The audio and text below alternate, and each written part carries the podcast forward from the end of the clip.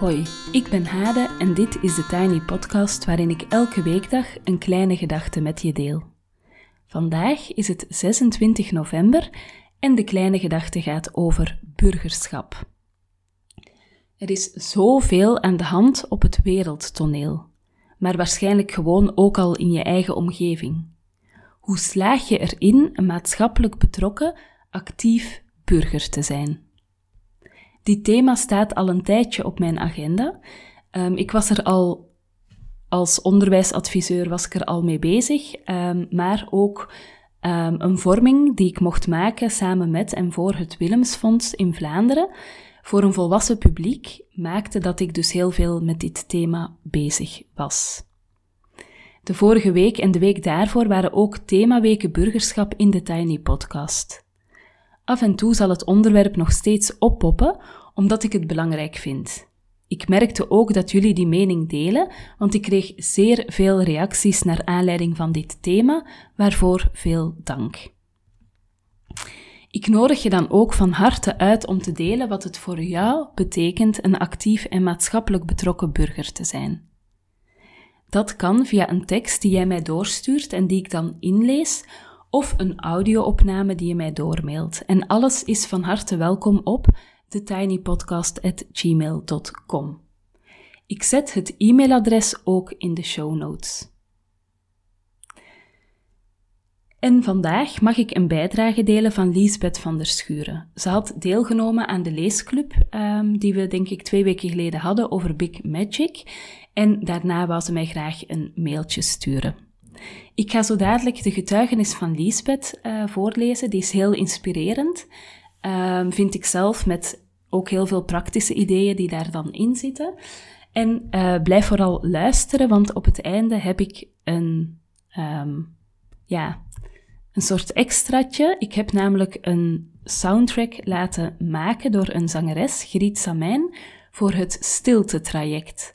Uh, want het stilte-traject bestaat uit um, ja, teksten en opdrachten in een online omgeving. Maar voor mensen die liever niet voor een computer zitten, um, is er ook een dagelijkse afgeschermde podcast die s ochtends vroeg wordt doorgestuurd, waarin ik eigenlijk een uur stilte, um, ja, je eigenlijk, ja, door een, een uur stilte heen uh, meeneem. En daar hoorde voor mij ook een soundtrack bij. En Griet heeft die opdracht opgepakt en is met een heel mooi, fijn lied gekomen, waarvan ik straks de teaser laat horen. Maar eerst gaan we luisteren wat Lisbeth schreef en ik ga het dus inlezen. Ik vind het erg interessant, je Tiny Podcast in het algemeen en de reeks nu over actief burgerschap. Daarom wil ik ook gehoor geven aan je oproep om verhalen naar je te sturen. En het deed me deugd om te schrijven naar aanleiding van de leesclub, dus ik blijf even bezig. Al weet ik niet of wat ik ga schrijven nog iets bijbrengt. Het is eerder een soort bevestiging en herkenning van wat de vrouwen in de vorige podcasts al vertelden. Iedereen kan bijdragen op zijn of haar manier en het hoeft niet groots te zijn. En hier ga ik even uh, de mail van Lisbeth uh, onderbreken. Wat mij erg opviel, um, was zo de, de wens om iets nieuws toe te voegen. Terwijl ik denk van je hoeft niet per se iets nieuws toe te voegen. Je kan ook gewoon um, je verhaal toevoegen aan de verhalen die we met elkaar delen. En ik denk dat dat sowieso waardevol is om elkaar uh, te inspireren. En wat mij ook opviel was dat inderdaad, ik denk alle getuigenissen die ik tot nu toe heb gekregen, getuigenissen van vrouwen zijn. Dus ik zou het wel heel leuk vinden om een aantal getuigenissen van mannen mee te nemen. Dus ken jij een man of ben jij een man die iets wil delen over actief burgerschap, dan uh, van harte welkom. En nu terug naar de mail van Lisbeth. Het is een erg waar cliché, verander de wereld, begin bij jezelf. En ja, tijd is een schaars goed, zo tussen de soep en de patatten en jonge kinderen opvoeden en ook nog een job hebben en een sociaal leven willen en beweging enzovoort. Ik zou ook graag veel meer willen doen soms. Maar toch denk ik dat we trots mogen zijn op de kleine dingen die we doen. Ik houd hieraan vast. The smallest deed is better than the greatest intention. Zo wil ik graag ecologisch leven. Je inzetten voor het klimaat lijkt onbegonnen werk en toch blijf ik geloven dat alle kleine beetjes helpen. Afvalloos leven lijkt een utopie en toch proberen we te minderen. Ik las eens: we hebben geen handvol mensen nodig die zero waste perfect doen. We hebben een heleboel mensen nodig die het imperfect doen. Ik ging bijvoorbeeld voor wasbare luiers. Bij kind 1 ging dat prima, bij kind 2 verzoop ik wat, vooral mentaal, dus daar heb ik het niet kunnen volhouden. Tompie, ik heb het tenminste geprobeerd en elke luier uitgespaard is er één. We kopen zo weinig mogelijk in de supermarkt, maar het gebeurt uiteraard wel nog. We zijn aandeelhouder bij Content, de verpakkingsloze winkel in Leuven. We zijn vrijwilliger geworden bij het voedselteam, ook al heb ik hier een zetje voor nodig gehad. Ik wilde het al lang, maar dat in onze buurt was vol en toen er een tweede opgestart werd, was ik net twee dagen bevallen. In de chaos van twee jonge kinderen lukte het me niet om mezelf te activeren. Maar ik leerde een gelijkgezinde moeder kennen die wel lid was en zij gaf mij het zetje om het toch nog te doen. Dat is een tip. Om wel over je aspiraties met mensen te praten en zij geven je soms het zetje dat je nodig hebt om je te activeren. We hebben dus elke week yoghurt, kaas, groentjes, fruit enzovoort van lokale boeren. Heerlijk. Het is echt heel fijn om te gaan voor datgene wat je belangrijk vindt, ook al kost het soms meer tijd. Het loont. We proberen de auto zo weinig mogelijk te gebruiken. Dat begon al bij de aankoop van ons huis, een krot, maar de ligging was goed. Op wandelafstand van crash en school en van een bushalte. Maar net als jij hebben we nog wel een auto, omdat ik soms ongeplande werfbezoeken heb die niet in de buurt zijn. Veelal staat de auto gewoon te staan, maar we gebruiken hem wel. Daar hoop ik wel nog beter te doen in de toekomst. Er kwam onlangs een deelbakfiets in onze buurt en dat helpt echt wel dat we die kunnen gebruiken. We proberen kleding, tweedehands of ecologisch te kopen, al gaat dat met ups en downs, veel tweedehandswinkeltjes in Leuven zijn gesloten en gelukkig is er nu een nieuw winkeltje in Wilselen dat beide verkoopt voor de kinderen. We zijn flexitariër, we eten weinig vlees, maar wel af en toe nog, maar dan goed vlees van de beenhouwer of het voedselteam. Lukt het altijd om ecologische keuzes te maken? Nee, verre van. Maar iedere keer dat we het wel doen, helpt het toch een beetje. En zoals Madame Zaza ooit zei, de eis tot consequentie is de doodsteek van elk goed initiatief.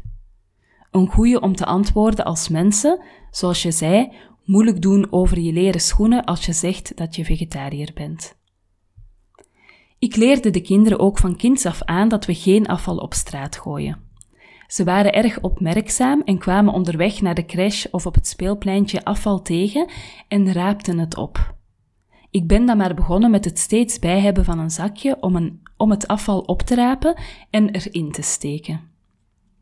De kinderen zijn ook een goede drijfveer en helpers om ervoor te gaan, ook al slurpen ze je tijd en energie behoorlijk op. Je kan ze er wel mee in betrekken en op die manier toch nog iets gedaan krijgen. Een ander ideaal, zo je wil, is dat ik me wil inzetten voor de gemeenschap voor verbinding. Zoals ik vandaag reageerde op je podcast, werd mijn wereld als moeder opnieuw wat groter toen de kinderen naar school gingen.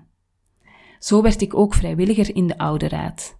Ik wilde dat sowieso wel doen, ooit, maar stelde het wat uit. Geen tijd, bla bla, tot een andere mama me over de streep trok en meetroonde. Een jaar later werd ik voorzitter. Ik, voorzitter? Ik vind het nog steeds vreemd dat het me gevraagd werd, maar ik dacht, ik spring uit mijn comfortzone en ik doe het. Soms vervloek ik mezelf dat ik daardoor minder tijd heb voor andere dingen die ik ook zou willen doen. En misschien meer betekenen voor de gemeenschap. Maar dat komt dan later nog wel. Het hoeft ook allemaal niet zo nodig meteen.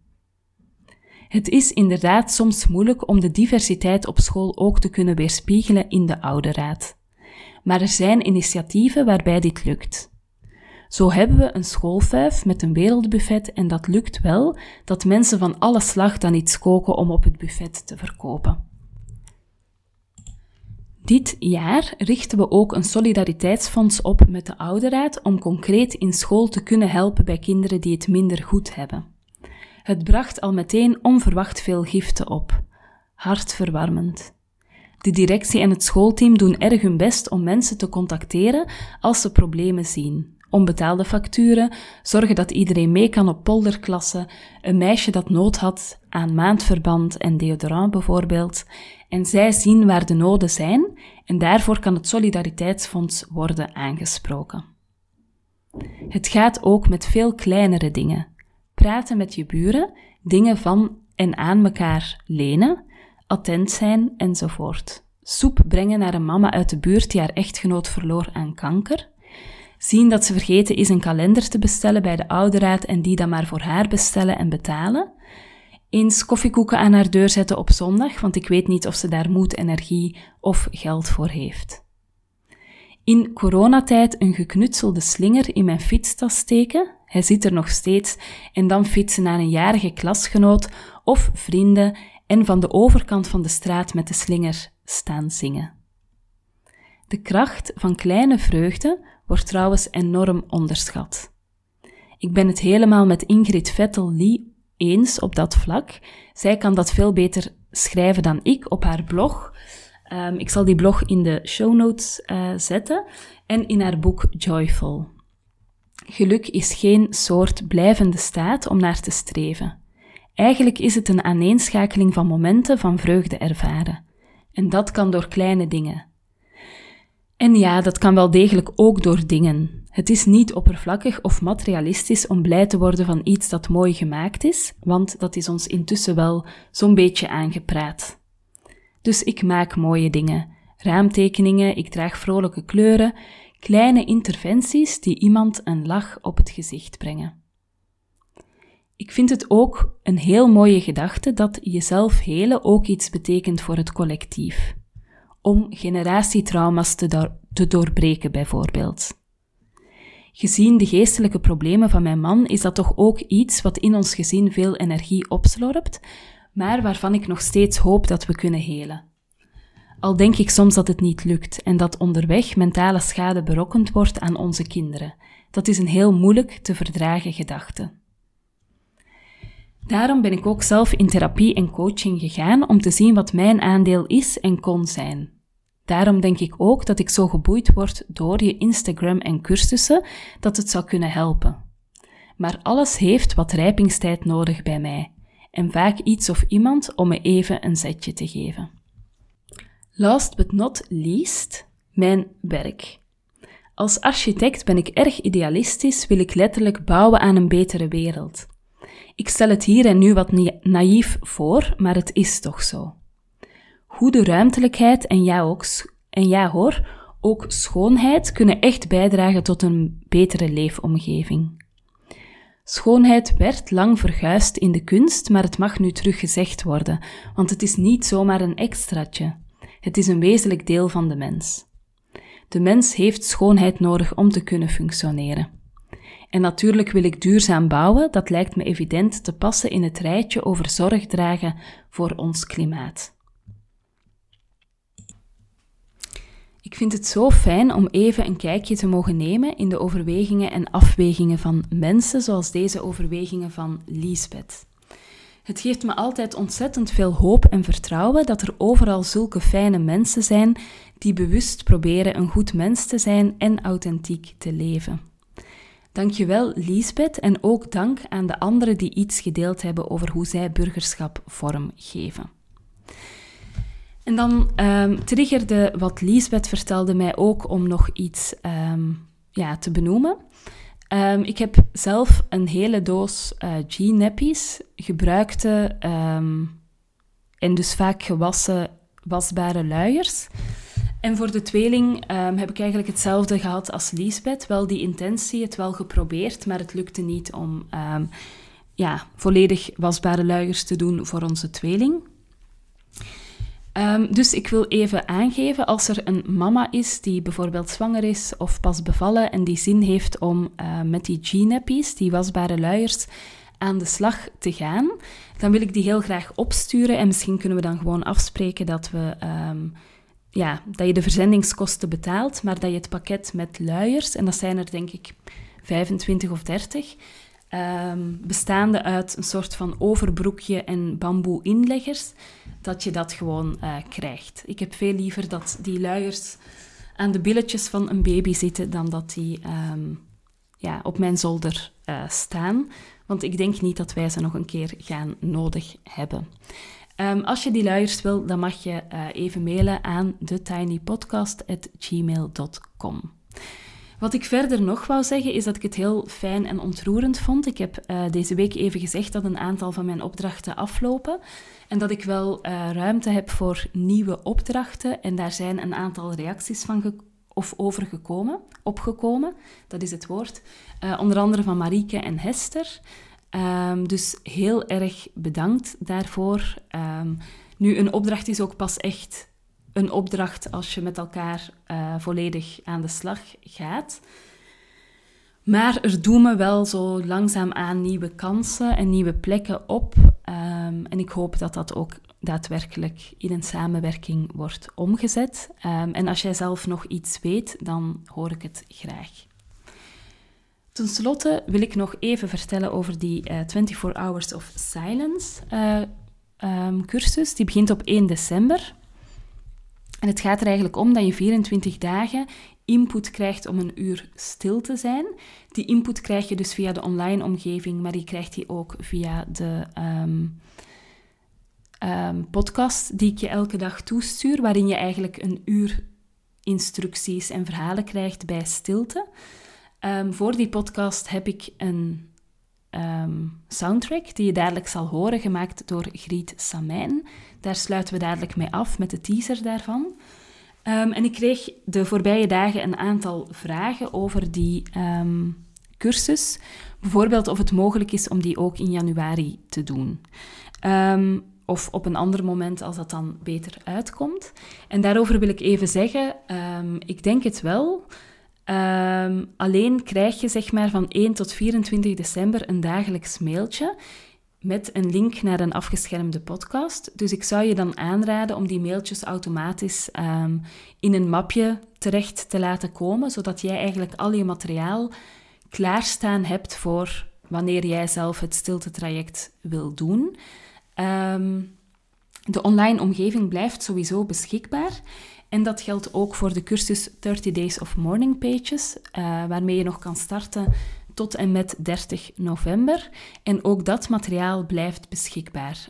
Um, dus je kan de cursus starten en je kan bijvoorbeeld pas in januari of februari beginnen met schrijven. Um, en die cursus 30 Days of Morning Pages, die gaat zeker in de toekomst nog een keer uh, open. Maar ik denk dat dat pas weer in juni zal zijn. Dus als je zo tussen nu en juni graag die cursus wil doen, dan kan je die alvast kopen. Dan heb je gewoon de toegang, dan krijg je ook het kaartensetje en dan heb je alles voor het moment dat jij zelf wil starten. Voilà.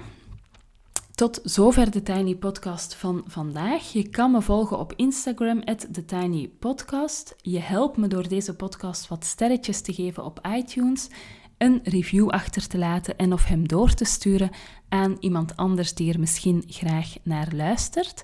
En voor nu uh, geniet van de soundtrack.